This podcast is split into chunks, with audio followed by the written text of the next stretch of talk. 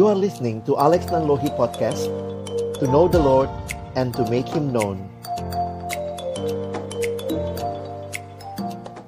Mari sebelum kita membaca merenungkan firman Tuhan Kita berdoa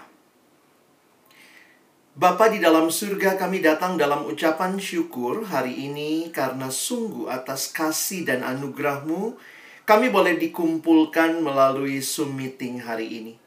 Kami bersyukur untuk setiap teknologi yang Tuhan izinkan kami boleh nikmati, karena di dalamnya pun kami boleh terus memuji, memuliakan Engkau. Terima kasih karena kehadiran kami di kampus Bina Nusantara menjadi bagian dari rencana Tuhan yang indah bagi hidup kami. Dan kami juga bersyukur untuk kehadiran persekutuan Oikumene PO Binus yang Tuhan berikan. Tidak semua kampus memiliki kesempatan beribadah bersekutu seperti yang kami miliki. Karena itu tolonglah kami. Akhirnya juga boleh meresponi anugerah Tuhan yang baik ini. Yang luar biasa ini. Dengan kami juga boleh memberi diri kami. Terlibat di dalam persekutuan yang Tuhan berikan kepada kami menyerahkan waktu ke depan ketika kami akan membuka firman-Mu. Kami berdoa, bukalah juga hati kami. Jadikanlah hati kami seperti tanah yang baik, supaya ketika benih firman Tuhan ditaburkan, boleh sungguh-sungguh berakar, bertumbuh, dan juga berbuah nyata di dalam kehidupan kami. Berkati baik hambamu yang menyampaikan, setiap kami yang mendengar, Tuhan tolonglah kami semua agar kami bukan hanya menjadi pendengar-pendengar firman yang setia, tapi mampukan dengan kuasa dari rohmu yang kudus, kami dimampukan menjadi pelaku-pelaku firman-Mu di dalam hidup kami, di dalam masa muda kami. Bersabdalah ya Tuhan, kami anak-anakmu sedia mendengarnya. Di dalam satu nama yang kudus, nama yang berkuasa, nama Tuhan kami Yesus Kristus kami menyerahkan pemberitaan firman-Mu. Amin.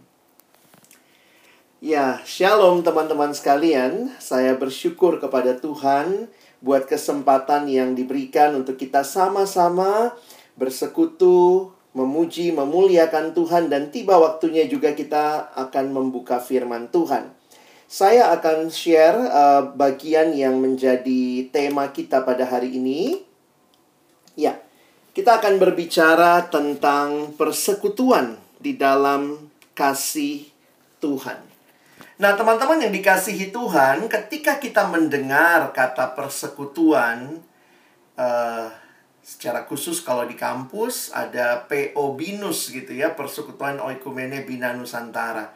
Kak Alex tidak tahu apa latar belakang kalian masing-masing, apakah kalian orang-orang yang terbiasa dengan persekutuan. Mungkin ada yang di SMA-nya juga sudah pernah terlibat begitu ya. Tapi apa yang muncul di pikiran saudara ketika mendengar istilah persekutuan atau komunitas? Nah, pasti ada banyak hal yang bisa muncul di pikiran kita waktu kita mendengar istilah persekutuan atau komunitas spektrumnya sih bisa macam-macam ya, tapi pasti yang paling uh, ekstrim kanan mungkin adalah sangat bersyukur untuk persekutuan, senang, terlibat begitu ya. Tadi ada beberapa bilangnya begitu sih ya. Tetapi ada juga yang mungkin di ekstrim yang lain merasa tidak menikmati karena pengalamanmu sebelumnya atau justru juga ada yang berkata begini, "Ah, ngapain sih persekutuan mah orang-orangnya sok suci, sok kudus, eksklusif. Mungkin saja kalian ada di dalam dua ekstrim ini atau di tengah-tengahnya ketika mendengar persekutuan. Nah, tapi uh, hari ini um, Kak Alex ingin kita belajar melihat ya. Tentu yang kita lihat adalah apa yang disampaikan di dalam firman Tuhan untuk kita bisa memahami apa yang menjadi kehendak dan rencana Allah dengan hadirnya persekutuan atau komunitas. Ya. Sebenarnya di dalam budaya manusia, di dalam budaya manusia sebagai makhluk sosial, ini sudah jelas sekali bahkan juga kalau kita melihat di bangsa kita ya, Katanya ada persatuan yang begitu kuat. Jadi memang sebenarnya manusia punya kerinduan yang dalam untuk bersekutu. Tapi memang dosa yang menjadi bagian yang merusak itu kita bisa melihat di dalam kalau kita belajar di Alkitab Kejadian pasal 3 persekutuan yang begitu indah hancur ketika manusia dengan egoisnya masing-masing, keinginannya sendiri, bahkan kita melihat bagaimana manusia saling menyalahkan. Adam menyalahkan Hawa, Hawa menyalahkan lagi ular dan seterusnya sehingga kejadian pasal yang keempat menuliskan seorang koko, seorang abang tega bunuh adiknya sendiri. Jadi mungkin kalau kita melihat realita ini, itu membuat kita menyadari, wow, begitu mengerikannya manusia yang sudah di dalam dosa. Tetapi di dalam akar yang terdalam, sebenarnya manusia sebagai makhluk sosial itu bukan teori sosiologi. Manusia sebagai makhluk sosial menjadi apa yang Tuhan sendiri sampaikan. Kalau kita melihat kejadian pasal yang kedua, ayat yang ke-18, setelah Allah menciptakan semuanya baik, baik, baik, sungguh amat baik, maka perhatikan di kejadian 2, ayat yang ke-18 dituliskan tidak baik kalau manusia itu seorang diri saja. Nah, teman-teman, kalau kalian anak komputer ngerti kali ya, ini sebenarnya yang namanya default settingnya manusia. Allah yang menciptakan kita, Allah yang menciptakan kita di dalam persekutuan. Tidak baik kalau manusia itu seorang diri saja. Jadi bayangkan pertama kali muncul di Alkitab kita istilah tidak baik adalah dalam konteks kita membutuhkan orang yang lain. Jadi setelah diciptakan semua baik, baik, baik, tiba-tiba muncul kata tidak baik. Wah, apa yang nggak baik? Kalau manusia itu hanya seorang diri saja. Jadi memang dosa merusak persekutuan, dosa merusak kebutuhan manusia untuk melihat ada manusia lain di sekitarnya, dosa membuat manusia begitu egois dengan keinginannya. Tapi kalau kita menghayati di dalam Kristus, ada. Di dalam Kristus ada pengharapan untuk pemulihan persekutuan, maka kita bersyukur sekali lagi bahwa Tuhan care dengan persekutuan. Tuhan sendiri merindukan kita kembali menikmati komunitas yang indah, yang benar, yang di dalamnya kita terus bertumbuh. Bahkan dalam budaya-budaya, Indonesia juga punya ya budaya Jawa katanya mangan orang mangan yang penting ngumpul ya jadi kayak bersekutu. Nah ini dalam Afrika ada African proverb mengatakan if you want to go fast, go alone. But if you want to go far, go together. Ya, ini ibu-ibu Afrikanya begitu ya. Jadi dalam setiap budaya masyarakat meskipun sudah terkontaminasi dengan dosa, tetapi kebutuhan longing to have another person in by our side walking together itu merefleksikan sebenarnya keinginan Allah sendiri, ya. Karena itu seorang uh, teolog bernama Eugene Peterson dalam satu bukunya dia mengatakan kalimat ini. Kita adalah sebuah komunitas. Kita tidak pernah hidup sendiri dan bagi diri sendiri. Kita dilahirkan di dalam komunitas. Kita tinggal dalam komunitas, kita meninggal di dalam komunitas. Jadi natur manusia bukanlah hidup menyendiri. Nah, teman-teman, saya pikir harusnya ini yang teman-teman pahami, hayati. Di dalam juga kita ada dan hadir di satu komunitas yang Tuhan sediakan di kampus Binus. Karena di sini kita melihat bahwa Tuhan tidak hanya memanggil teman-teman berkuliah, tetapi Tuhan menyediakan komunitas sesama orang percaya untuk boleh menikmati persekutuan satu dengan yang lain. Nah, kita lihat dasarnya lebih jelas ya. Uh, ayat yang akan Kak Alex ajak kita renungkan hari ini hanya dua ayat saja supaya kita bisa fokus melihat Ibrani pasal yang ke-10 ayat yang ke-24 dan ayatnya yang ke-25. Ayatnya saya sudah tulis di screen, silakan kalau kalian di rumah masing-masing, di tempatmu masing-masing, coba baca dengan bersuara, tapi tetap mematikan mic-nya ya. Sambil saya baca, silakan ikut membaca. Dan marilah kita saling memperhatikan, supaya kita saling mendorong dalam kasih dan dalam pekerjaan baik. Janganlah kita menjauhkan diri dari pertemuan-pertemuan ibadah kita seperti dibiasakan oleh beberapa orang. Tetapi marilah kita saling menasehati dan semakin giat melakukannya menjelang hari Tuhan yang mendekat. Sekali lagi bagian ini ada dalam kitab Ibrani tadi, Ibrani pasal yang ke-10. Nah, kalau teman-teman nanti sempat membaca Ibrani pasal 9, pasal 10 secara keseluruhan konteks, maka sebenarnya ini adalah gambaran yang diberikan oleh penulis Ibrani dikaitkan dengan apa yang terjadi di perjanjian lama. Di perjanjian lama, imam besar setahun sekali akan masuk ke dalam bait Allah, masuk ke dalam ruang maha kudus, imam besar setahun sekali akan mempersembahkan kurban untuk pendamaian dosa.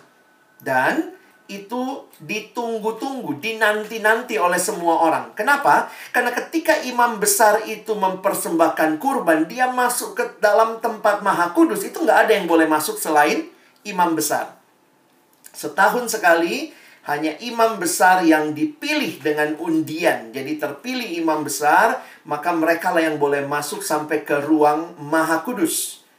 Biasanya kalau sudah masuk ke situ, karena hanya bisa masuk sendiri, itu kalau dia tidak diterima persembahannya, dia bisa mati di situ. Wah, itu sangat mendebarkan. Umat Israel yang berkumpul setiap tahun tunggu-tunggu nih, gimana apakah persembahan mereka diterima atau tidak? Ditandai dengan apakah imam besarnya hidup atau mati.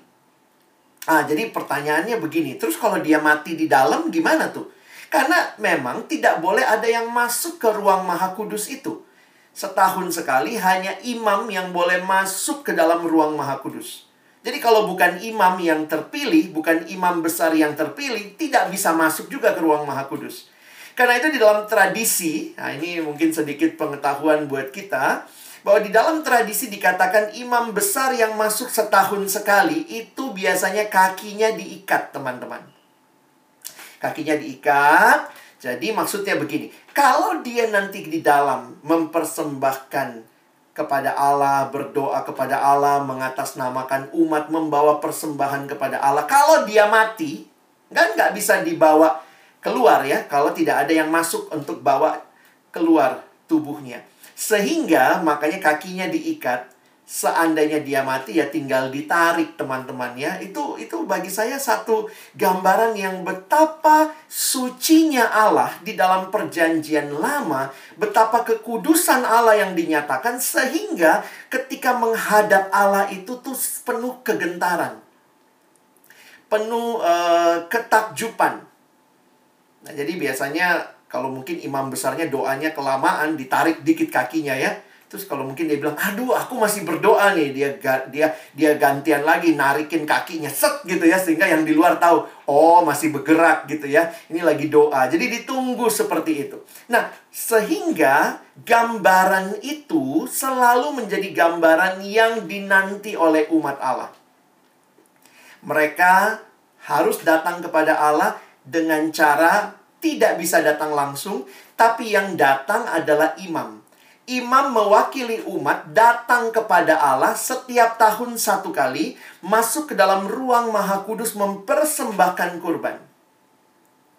Nanti kalau kalian baca kitab Ibrani ini, perhatikan ya. Ibrani ini membicarakan tentang itu semua yang terjadi di perjanjian lama dikatakan adalah gambarannya Yesus. Karena itu Ibrani mengatakan di dalam kitab Ibrani Yesus digambarkan unik juga ya. Yesus imam besarnya ya dan Yesus kurbannya. ya itu unik ya. Jadi perjanjian lama kan ada imam setiap tahun membawa kurban. Di perjanjian baru kitab Ibrani menggambarkan Yesuslah imam besar itu. Tapi bukan hanya itu. Dia juga adalah kurban itu sendiri. Karena itu Ibrani pasal 9 mengatakan bahwa Yesus sang imam besar itu membawa kurban yaitu dirinya sendiri. Jadi waktu saya menghayati itu indah sekali ya. Karya penebusan yang Yesus lakukan bagi kita. Yesus Kristus adalah jalan kepada Allah yang dapat mempertemukan manusia dengan Allah yang tadinya begitu sulit dalam perjanjian lama tetapi ketika Kristus datang, dia membawa kita boleh bersekutu dengan akrab dengan Allah secara bebas. Karena itu nanti kalau teman-teman melihat di dalam um, kitab Ibrani, misalnya Ibrani pasal yang keempat, kalau saya tidak salah ingat, ada kalimat bahwa marilah kita dengan penuh keberanian datang kepada Allah. Wah, itu indah sekali. Karena apa? Sekali lagi, perjanjian lama untuk datang kepada Allah harus lewat imam. Imamnya pun masuk dalam bait Allah itu ruang maha kudus penuh ketakutan setiap tahun satu kali. Tapi kita yang ada di dalam Kristus, kita bisa datang kapan saja kepada Allah. Kita dikasih akses karena Yesus adalah jalan itu. Teman-teman, kalau kamu mengerti konteks ini, saya harap kita tidak menyepelekan kesempatan beribadah. Saya harap kita tidak menyepelekan kesempatan bisa datang berdoa kepada Allah. Istilahnya perjanjian lama begitu sulit, begitu menakutkan, tapi di perjanjian baru begitu bebas aksesnya diberikan. Begitu sukacita kita dapat datang kepada Allah. Tapi realitanya banyak orang Kristen yang tidak menghargai kesempatan beribadah datang kepada Allah. Jadi teman-teman, saya harap pengertian ini menjadi dasar yang kuat untuk kita berbicara tema kita siang ini. Kalau kita boleh datang bersekutu, jangan sepelekan ini adalah anugerah Allah. Karena bukan kita yang datang kepada Allah. Kekristenan berkata bukan manusia yang datang kepada Allah. Manusia berdosa nggak bisa datang sama Tuhan yang kudus. Tetapi Tuhanlah yang datang kepada kita. Yesus yang diutus Allah menjadi manusia. Dialah yang membuka jalan bagi kita kepada Allah. Apakah kita menghargai itu? Nah, karena itu teman-teman kalau kalian perhatikan dari ayat tadi kan ayat 24, ayat 25, maka kita melihat penulis kitab Ibrani memberikan respon, ya. Ada kata, jadi kalau teman-teman perhatikan ya, jadi kita punya akses karena kita ada dalam Kristus, Yesus. Kita punya akses untuk bisa datang kepada Tuhan. Maka lihat responnya, ya. Nah, salah satu responnya itu adalah ayat 24 dan 25. Tadi saya coba tunjukkan ada tiga respon sebenarnya ya. Ada tiga respon. Kalau kita percaya bahwa Yesus sudah membuka jalan buat kita kepada Allah. Ayo, ayo, kata penulis Ibrani. Ada tiga hal dengan kata marilah kita. Marilah kita. Marilah kita. Apa hal yang pertama? Ayat 22. Nah, abang kasih warna di situ ya. Ayat 22 kalau kalian baca karena itu marilah kita menghadap Allah dengan hati yang tulus dan keyakinan iman yang teguh. Oleh karena hati kita telah dibersihkan dari hati nurani yang jahat dan tubuh kita telah dibasuh dengan air yang murni. Ini yang pertama. Karena Yesus sudah buka akses bagi kita, marilah kita menghadap Tuhan dengan hati yang tulus, dengan keyakinan iman yang teguh. Yang kedua, perhatikan ayat 23. Karena Yesus sudah buka akses kepada kita, maka marilah kita teguh berpegang pada pengakuan tentang pengharapan kita. Jadi ini kalau kalian coba sense gitu ya. Penulis kitab Ibrani bilang hold fast teguhlah berpegang. Teman-teman, sudah kelihatan ya sebenarnya ada dua hal yang sudah muncul. Kalau uh, Kak Alex coba melihat itu sebagai ciri hidup umat Allah. Apa tadi yang pertama? Iman. Yang kedua, pengharapan. Jadi lihat ya, kalau kamu sudah dikasih akses sama Tuhan, ayo beriman sungguh-sungguh. Ayo jangan putus asa tapi punya pengharapan. Kalau ada iman pengharapan satunya apa? Benar. Satunya ka kasih. Itulah yang kita baca di ayat yang kita lihat tadi, 24 dan 25. Kalau Kristus sudah buka akses boleh datang kepada Bapa, marilah kita saling memperhatikan supaya kita saling mendorong dalam kasih dan dalam pekerjaan baik. Itu kata penulis kitab Ibrani. Janganlah kita menjauhkan diri dari pertemuan-pertemuan ibadah kita. Seperti dibiasakan oleh beberapa orang, tetapi marilah kita saling menasehati dan semakin giat melakukannya. Menjelang hari Tuhan yang mendekat. Perhatikan, ketika Tuhan sudah kasih akses buat kita datang kepada Dia, ayo secara iman, iman teguh, pengharapan, dan juga kasih. Jadi ini sebenarnya menjadi ciri hidup umat Allah. Kalau betul engkau dan saya orang-orang yang sudah diselamatkan oleh Tuhan, apakah ini muncul dalam hidup kita sebagai respon kita karena Tuhan sudah berikan akses kepada Allah. Pertama, iman kepada Allah. Yang kedua, pengharapan akan janji Allah.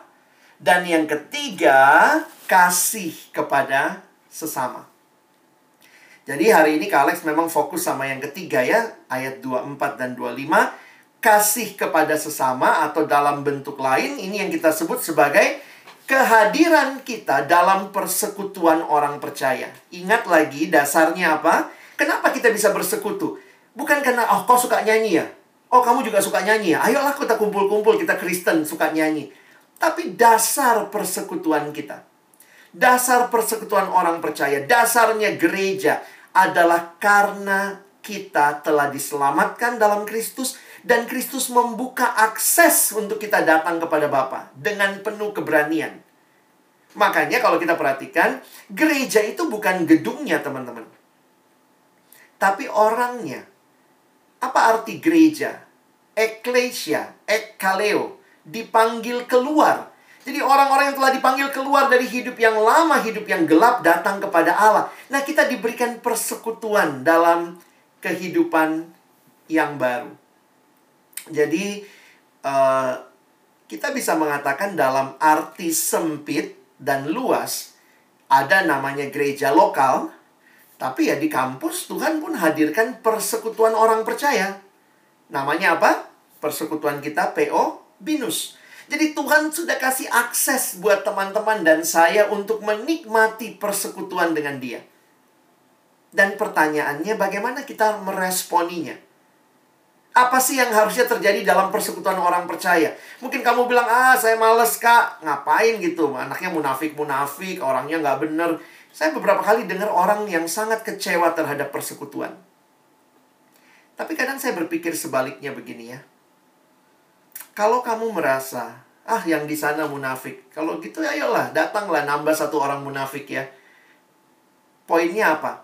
Tidak ada dari kita yang sudah sempurna. Dan ternyata cara yang saya pelajari di dalam Alkitab, ketika Tuhan membangun hidup kita, Tuhan membangun kita di dalam persekutuan. Kalau teman-teman mencari persekutuan yang sempurna, selama engkau hidup dalam dunia tidak ada persekutuan yang sempurna. Karena kita ini masih bisa jatuh dalam dosa, masih mungkin masuk ke dalam hal-hal yang lama. Tetapi, bedanya apa? Kita juga punya pengharapan. Pengharapan akan kehidupan yang Tuhan sedang pulihkan. Jadi saya melihat memang tidak ada persekutuan yang sempurna. Tetapi ketika engkau tidak ada dalam persekutuan, maka engkau pun tidak sedang dibentuk menjadi semakin sempurna seperti kehendak Tuhan. Kenapa? Karena Tuhan bekerjanya di dalam persekutuan. Di dalam persekutuan orang percayalah Tuhan mengerjakan pembaharuan buat hidup kita.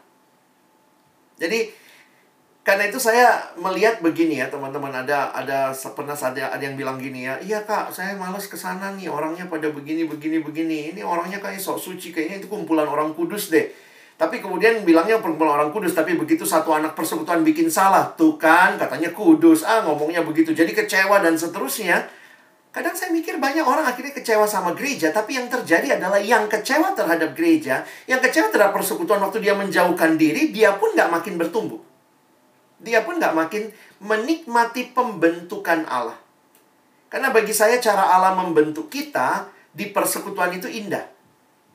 Tuhan membentuk kita belajar mengampuni, belajar menerima orang yang beda pendapat sama kita, dan memang tidak ada yang sempurna. Ada pengandaian bilang begini, Kalaupun kamu ketemu persekutuan yang sempurna, wih kamu ketemu nih, wih ini persekutuan sempurna banget, semua anggotanya sempurna. Lalu kamu join masuk ke persekutuan itu, maka begitu kamu join, persekutuan itu langsung jadi nggak sempurna. Kenapa? Karena kehadiranmu begitu ya. Jadi hal ini hanya ingin membuktikan kepada kita di tengah persekutuan orang percaya ini Tuhan sedang mengkaryakan pembentukan yang indah bagi setiap kita. Karena itu saya pikir kenapa ya Tuhan harus hadirkan persekutuan mahasiswa di kampus? Bukankah udah ada udah cukup di gereja gitu ya? Tapi saya melihatnya begini, teman-teman coba pahaminya begini. Tuhan sayang banget sama kamu. Tuhan mau kamu tidak hanya kalau gereja kan seminggu sekali gitu ya. Kadang-kadang kalau ada persekutuan, nah hari apa nih, ada komsel di gereja. Tapi kemudian sebagian besar waktumu ada di lingkungan kampus yang belajar. Sehingga bagi saya, cara Tuhan mengasihi adik-adikku, teman-temanku, Minusian 24 gitu ya. Cara Tuhan mengasihimu adalah di kampus. Di tempat di mana kamu banyak menghabiskan waktu. Di tempat ini Tuhan hadirkan persekutuan orang percaya untuk membentuk kamu. Sehingga saya pikir jangan menjadikan persekutuan kampus saingannya gereja. Enggak ya atau juga jangan menjadikan pengganti gereja. Saya udah ikut di persekutuan kampus, nggak mau lagi ikut di gereja. Ataupun sebaliknya. Saya udah aktif di gereja, saya nggak mau ikut persekutuan kampus. Kalau saya melihat ini kesempatan, anugerah yang Tuhan berikan untuk membentuk kamu terus. Makanya perhatikan kalimatnya ya. Bagi saya, saya akan bahas dua hal. Apa sih yang Tuhan rindukan, teman-teman dan saya alami di dalam persekutuan orang percaya? Dua kata ini saya coba sedikit telaah lebih dalam. Kalimatnya dan marilah kita saling memperhatikan. Kalau kita pikir seperti ini ayatnya ya, ternyata uh, nanti teman-teman coba lihat ya. Bahasa aslinya tuh lebih indah. Dan marilah kita saling memperhatikan supaya kita saling mendorong. Nah, di dalam bahasa aslinya kata memperhatikan itu sebenarnya dipakai kata ini. Kalau bisa baca yang atas Yunaninya ya. Nah, itu saya tulis uh, literasinya, transliterasinya, kata numen.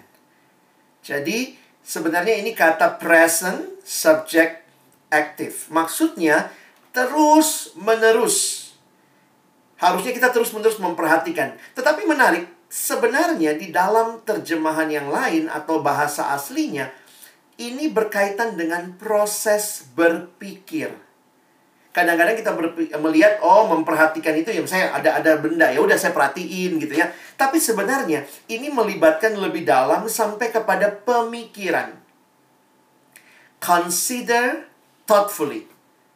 Sehingga kalau nanti kalian baca di dalam terjemahan Alkitab NIV misalnya New International Version atau ESV English Standard Version mereka menggunakan istilah consider. Ya jadi itu bukan cuma memperhatikan ya atau New American Standard Bible NASB bahkan menggunakan istilah take thought. Ayo pikirin gitu. Teman-teman, persekutuan itu bukan cuma tempat di mana kita saling ngeliat, memperhatikan, oh ini anaknya begini, ini anaknya begitu. Tapi kita mikir bersama bagaimana membangun satu sama lain. Karena kata kedua, kata mendorong. Nah, ini juga menarik nih mendorong ini kalau bayangan kita apa ya? Kayak memberi encouragement, memberi encouragement aja. Tapi ternyata dalam bahasa aslinya ini masuk lebih dalam. Memberi stimulation. To provoke. Atau bahkan dalam bahasa Inggris digunakan salah satunya ESV pakai kata to stir up. Teman-teman tahu ya stir up ya? Stir up itu ini kayak begini nih. Ini kalau ada gula atau apa dimasukin stir up itu diaduk untuk mempercepat reaksi. Nah, kira-kira gambarannya begitu. Diaduk untuk mempercepat reaksi. Makanya kalau kita lihat terjemahannya dalam bahasa Inggris begini ya. Ini dari Alkitab ESV. And let us consider how to stir up one another. Wah, untuk bisa mengasihi, untuk bisa to love and to good works, bagaimana persekutuan ini bisa berfungsi, berjalan dengan baik. Ternyata Tuhan bilang sama kita, let us consider how to stir up one another to love. Bagaimana terjemahannya dalam bahasa Indonesia sederhana? Kalian nanti bisa lihat ada Alkitab bahasa Indonesia sederhana. Ini lebih tepat karena lebih menunjukkan esensi dalam bahasa aslinya. Oleh karena itu, jadi persekutuan itu seindah ini loh teman-teman. Oleh karena itu marilah kita semua berpikir bagaimana kita bisa saling mendorong dan saling mengingatkan untuk berbuat kasih dan melakukan hal-hal yang baik. Wah, saya waktu merenungkan ini, harusnya kalau gereja kayak begini, wow, luar biasa. Harusnya kalau persekutuan oikumene binus seperti ini, inilah yang Tuhan kehendaki. Terus kamu bilang, tapi gereja gue nggak gitu kok. Ah, di PO juga anaknya kayak gitu-gitu. Mari kita ubah. Jangan kemudian karena kamu give up, kita tidak melihat visi yang indah yang Tuhan berikan untuk persekutuan. Nah, bersyukur ya ada koko, cici, abang, kakak yang jadi pengurus. Mereka tuh memikirkan loh gimana bikin PMB. Saya ini kan dikontak ya, saya ini dikontak oleh pengurus. Kak Alex bisa nggak jadi pembicara? Saya bukan dikontak sama Tuhan Yesus. Alex datanglah ke Binus. Ada orang-orang yang memikirkan bagaimana membangun adik-adik uh, uh, Binusian 24 gitu ya. Jadi saya melihat ini ini persekutuan ini indah. Nanti satu waktu kalian nanti jadi senior, kalian pikirin lagi adik-adikmu gimana membangun mereka. Dan Tuhan menyediakan wadahnya di kampus. Allah mau kita saling mengasihi. Itu yang kita baca tadi di kejadian 2 ayat 18 yang saya sebutkan di awal. Seorang bernama John Stott mengatakan dalam satu kutipannya, Sebagaimana ikan dibuat untuk air, umat manusia dibuat untuk kasih, untuk mengasihi Allah dan mengasihi sesama. Bagaimana orang bisa melihat kasih Allah? 1 Yohanes 4 ayat 11 dan 12 mengatakan ketika kamu saling mengasihi kalau kamu telah dikasihi oleh Allah maka biarlah kamu pun saling mengasihi. Orang bisa melihat kasih kita ketika orang percaya yang sudah diberikan akses begitu rupa, bukan hanya datang kepada Allah, tapi bersekutu dengan sesama. Wah, ini keindahan yang Tuhan mau. Let us love one another. Nah, kalau teman-teman nanti pelajari di Alkitab itu banyak sekali kata saling. Nggak bisa jadi orang Kristen tidak mau persekutuan. Itu nggak klop. Istilahnya oksimoron ya. Mau jadi kayak begini, mau kuliah di BINUS tapi nggak mau daftar, itu nggak mungkin. Tapi begitu kamu daftar, ya kamu kuliah. Mirip kayak begitu. Banyak orang Kristen nggak mau persekutuannya, tapi mau bertumbuh. Sementara pertumbuhan itu Tuhan kasih di dalam persekutuan. Itu gimana caranya? Karena perhatikan, di dalam persekutuan itu Tuhan memberikan ketersalingan. Makanya di Alkitab itu banyak sekali kata saling, saling, saling ya. Atau bahasa Inggris pakai istilah one another. Jadi Perhatikan ya, pertumbuhan kita itu nggak bisa sendiri. Harus ada orang lain. Dan itu tempatnya Tuhan kasih. Di gereja Tuhan kasih. Tuhan kasih juga ada persekutuan di kampus ya. Gimana menerima satu dengan yang lain. Care for one another. Carry each other burdens. Saling mengampuni. Jadi saya berpikir iya ya. Jadi orang percaya itu adalah orang yang dibawa masuk ke dalam keluarga yang baru. Saling, saling, saling one another kurang banyak. Nih, saya tambahin, ya. Dan ingat, sebagian besar ini, Kak Alex sudah cek gitu ya, sebagian besar ini perintah. Jadi, makin saya pelajari gini, kalau itu perintahnya Tuhan nggak dilakukan, berarti salah gua dong ya. Ini bukan anjuran, mbok ya saling mengampuni, ayolah, tolonglah, please lah. Enggak, kalimatnya saling mengampuni. Atau beberapa bahkan pakai kata lah Saling memperhatikanlah kamu, misalnya gitu ya. Jadi jujur aja, kalau kita bicara jadi Kristen tanpa mau persekutuannya, we miss the point of being a Christian. Christian adalah orang-orang yang diselamatkan Tuhan dan dibawa masuk dalam persekutuan yang indah satu sama lain. Makanya kalau disuruh tanya ya, e, memang kadang-kadang di persekutuan kampus kehadiran PO itu dilihat mungkin seperti salah satu apa ya? Salah satu organisasi kampus aja lah. Silakan pilih waktu masuk kampus. Mau ikut apa? Ikut fotografi kah? Ikut voli kah? Ikut futsal kah? Atau ikut PO? Kalau saya mengerti ini, maka kalau boleh saya katakan, persekutuan itu bukan pilihan. Tidak tepat kalau kamu menjadikan persekutuan itu pilihan. Persekutuan itu kebutuhanmu. Kenapa? Bagi semua kita yang sudah diselamatkan, Tuhan bawa kita bersekutu dengan saudara-saudara seiman. Itu bukan pilihan, tetapi kebutuhan. Karena itu seorang bernama Timothy Keller dalam tulisannya mungkin kalau dibahas bisa panjang tapi abang kasih highlightnya saja. Dia coba melihat kalau begitu pentingnya komunitas Kristen, maka dia katakan, kita nggak mungkin mengenal Allah terpisah dari komunitas. Benar juga ya. Perhatikan di Alkitab, beberapa peran yang dikasih itu peran komunitas. Misalnya kamu adalah saudara, saudari, saudara seiman. Jadi Uh, kita kenal Tuhan, kita kenal kasih Tuhan ketika juga kita mengalami melalui orang-orang yang ada di sekitar kita. Yang Tuhan pakai menyatakan kasihnya, menyatakan pengampunannya. Dari mana kamu tahu Tuhan mengampuni? Mungkin ketika engkau juga di dalam persekutuan melihat ada orang yang berani terbuka, mengakui kesalahan dan mengampuni. Jadi banyak kali kan konsep-konsep yang kita kenal tentang Allah itu kita lihatnya di dalam komunitas. Karena itu dia katakan lebih lanjut, kita tidak dapat mengalami perubahan yang dalam, terpisah dari komunitas. Dan yang ketiga, kita tidak dapat memenangkan dunia ini tanpa komunitas.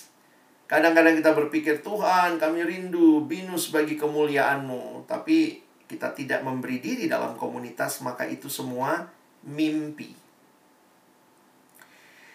Situasi corona mengubah banyak hal, termasuk mengubah persekutuan kita adik-adik 24 kalian mungkin tidak pernah ketemu langsung sampai hari ini dengan Koko Cici pengurus di PO ya. Kita masih bergumul untuk persekutuan yang offline. Kita masih online semua paling tidak sampai akhir semester ini. Karena itu bersyukur ya, paling tidak online ministry tetap harus dilakukan. Persekutuan PO hadir dalam online juga buat teman-teman sekalian dan kiranya kehadiran kita ke depan ke depan bukan karena absen. Absen di awal dan absen di akhir ya. Tapi karena kita tahu Tuhan terima kasih ini yang engkau jawab. Ini kebutuhanku Tuhan. Aku butuh terus bertumbuh termasuk di kampus. Maka biarlah ibadah-ibadah ke depan dihadiri oleh teman-teman yang benar-benar melihat. Melihat Tuhan yang menjawab pergumulanmu, Tuhan yang memberikan persekutuan untuk kamu juga boleh terus bertumbuh. Absen hanya jadi salah satu cara untuk membuat kita disiplin. Tapi lebih jauh, biarlah disiplin itu timbul dari dalam hati yang merasakan saya membutuhkan Tuhan. Makan itu kebutuhan. Kadang-kadang kita pikir makan itu ya kalau gue lagi pengen makan ya makan, kalau nggak mau ya nggak mau. Tapi begitu kamu masuk rumah sakit gara-gara nggak makan, kamu baru ngerti makan tuh kebutuhan ya. Saya membandingkan kalau kamu melihat PO sebagai makanan, maka jangan berpikir ini cuman masalah uh, lagi pengen atau lagi nggak nggak pengen. Beda ya. Ini bukan cuma opsi, tapi ini kebutuhan yang di dalamnya kadang-kadang kita harus memaksa diri. Gue lagi nggak pengen makan, pak. Gue nggak pengen makan, mama. Tapi harus makan. Karena papa mama mungkin mengatakan, kamu butuh makan, nak. PO kiranya nggak jadi tempat kamu dipaksa ya. Harus makan gitu ya. Tapi paling tidak seiring kamu makin bertumbuh, kamu sadar. Kamu butuh tempat di mana kerohanianmu diisi. Dan karena itu Tuhan hadirkan persekutuan ini. Ada banyak program yang disiapkan. Kadang-kadang kami jujur aja semua kebingungan dengan nggak bisa offline, harus online. Apakah kalian mau datang atau tidak kalau dibikin online, offline. Tapi pertanyaannya adalah biarlah engkau meresponi Tuhan yang memberikan ini semua. Ada koko cici pengurus yang sudah berusaha keras memikirkan. Consider thoughtfully how to gather, how to help us grow in Christ. Tapi kiranya kita semua menjawab kerinduan Tuhan untuk terus bertumbuh. Termasuk buat Koko Cici yang jadi pengurus ya. Pengurus yang baru, pengurus yang lama, kita sedang bertumbuh bersama. Dan kita bersyukur wadahnya Tuhan berikan termasuk di kampus kita. Saya tutup dengan dua ayat uh, ayat 25-nya tadi ya. Karena itu penulis Ibrani mengingatkan, janganlah kita menjauhkan diri dari pertemuan-pertemuan ibadah kita. Seperti dibiasakan oleh beberapa orang. Ternyata dari dulu juga banyak yang gak suka datang persekutuannya, ada juga gitu. Tapi lihat nih kalimatnya, janganlah. Ini perintah ya. Jangan menjauhkan diri seperti dibiasakan oleh beberapa orang. Tetapi marilah kita. Apa yang dikatakan? Marilah kita saling menasehati, Marilah kita semakin giat melakukannya menjelang hari Tuhan yang mendekat. Dalam terjemahan lain, terjemahan sederhana Indonesia, kalimatnya begini. Janganlah kita menjadi malas. Wah, langsung dikasih tahu begitu ya. Janganlah kita menjadi malas berkumpul bersama dalam persekutuan kita. Seperti yang sudah menjadi kebiasaan sebagian orang dari kita. Maksudnya kita waktu itu ya, jemaat di yang ditulisi surat oleh penulis Ibrani. Sebaliknya, marilah kita saling mendorong untuk tetap rajin berkumpul dan lebih rajin lagi. Karena kita menyadari bahwa hari kedatangan Kristus semakin dekat. Wah, ini dikasih perspektif eskatologis. Tuhan akan datang. Dan ketika Tuhan menjelang kedatangannya, biarlah kita tidak kendor mencintai Tuhan. Saya tidak tahu berapa banyak yang masuk kampus dengan pergumulan ya. Mungkin pergumulan karena kamu tadinya mungkin mau kampus lain harusnya masuk ke sini. Atau ada yang pergumulannya dari dulu pokoknya maunya binus. Tapi yang bergumul orang tuanya gimana bayarnya gitu ya mungkin juga ada yang harus bergumul cari beasiswa pinjam uang sana sini supaya bisa kuliah saya tidak tahu bagaimana pergumulanmu masuk kuliah tapi ketika kau dapat kesempatan kuliah ingatlah di bangsa ini yang bisa kuliah itu cuma kurang lebih 8% dari penduduk Indonesia. Kalian tuh kaum yang sangat-sangat terpilih. Dari 8% yang bisa kuliah di Indonesia, berapa banyak yang Kristen? Mungkin hanya 10 persennya. Dari yang Kristen, berapa banyak yang masuk ke kampus yang punya persekutuan. Karena seperti yang saya katakan di doa awal tadi, tidak semua kampus punya persekutuan. Mungkin 10% lagi, kita ambillah 10%-nya lagi. Dari yang 10% lagi, berapa banyak yang di kampusnya ada persekutuan, tapi pertanyaannya, dia ikut apa tidak? Wah, pasti itu lebih sedikit lagi gitu ya. Sehingga kadang-kadang saya berpikir gini ya, memang banyak orang tahu ada persekutuan, ada gereja, ada uh, ibadah, tapi berapa banyak yang benar-benar menyadari dan memberi diri bersyukur dan terlibat di dalamnya. Saya pikir kita tidak sedang menjawab pembicara, kalian tidak perlu jawab saya, saya juga tidak kenal kalian semua. Kalian tidak perlu jawab pengurus, koko cicimu yang kontak-kontak, yang publish gitu ya. Tapi mari kita jawab Tuhan yang kasih kesempatan ini buat kita. Apa jawaban kita? ketika Tuhan hadirkan persekutuan di kampus kita. Biarlah kita benar-benar melihat ini kebutuhan yang Tuhan berikan dan saya mau responi dalam anugerahnya. Kutipan terakhir ini, kutipan yang juga indah kalau kita nanti bisa merefleksikannya. Christian community is not and never about us. Christian community is not about us at all. It is about the transforming presence of Christ and all He will do in and through and for each of us. Waktu saya merenungkan kalimat ini, awalnya saya pikir lah, Kalau kekristenan, komunitas Kristen bukan tentang aku, lalu tentang siapa? Oh, ternyata ini tentang Kristus. Tapi Kristus yang bekerja di dalam dan melalui setiap kita. Jadi ketika engkau terlibat, engkau sedang menjadi perpanjangan tangan Allah membangun orang lain dan tentunya juga membangun dirimu. Christian community is about the presence of God yang kita terlibat dan boleh jadi bagian di dalamnya. Mari responi dan syukuri itu. Amin. Mari kita berdoa. Bapak Surgawi, terima kasih buat firman-Mu Terima kasih buat setiap hati yang terbuka di hadapan Tuhan.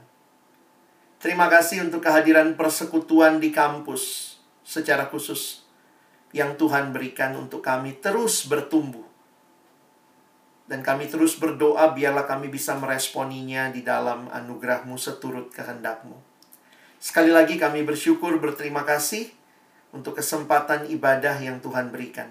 Biarlah ini bukan jadi rutinitas, jadi paksaan, jadi jadi sesuatu yang harus kami lakukan semata, tapi lebih lagi menjadi kebutuhan yang di dalamnya kami rindu mencarinya. Mencari Tuhan, mencari persekutuan yang indah bersama saudara-saudara seiman. Terima kasih. Tolong kami bukan cuma jadi pendengar, tapi boleh jadi pelaku firman-Mu. Dalam nama Yesus kami berdoa. Amin.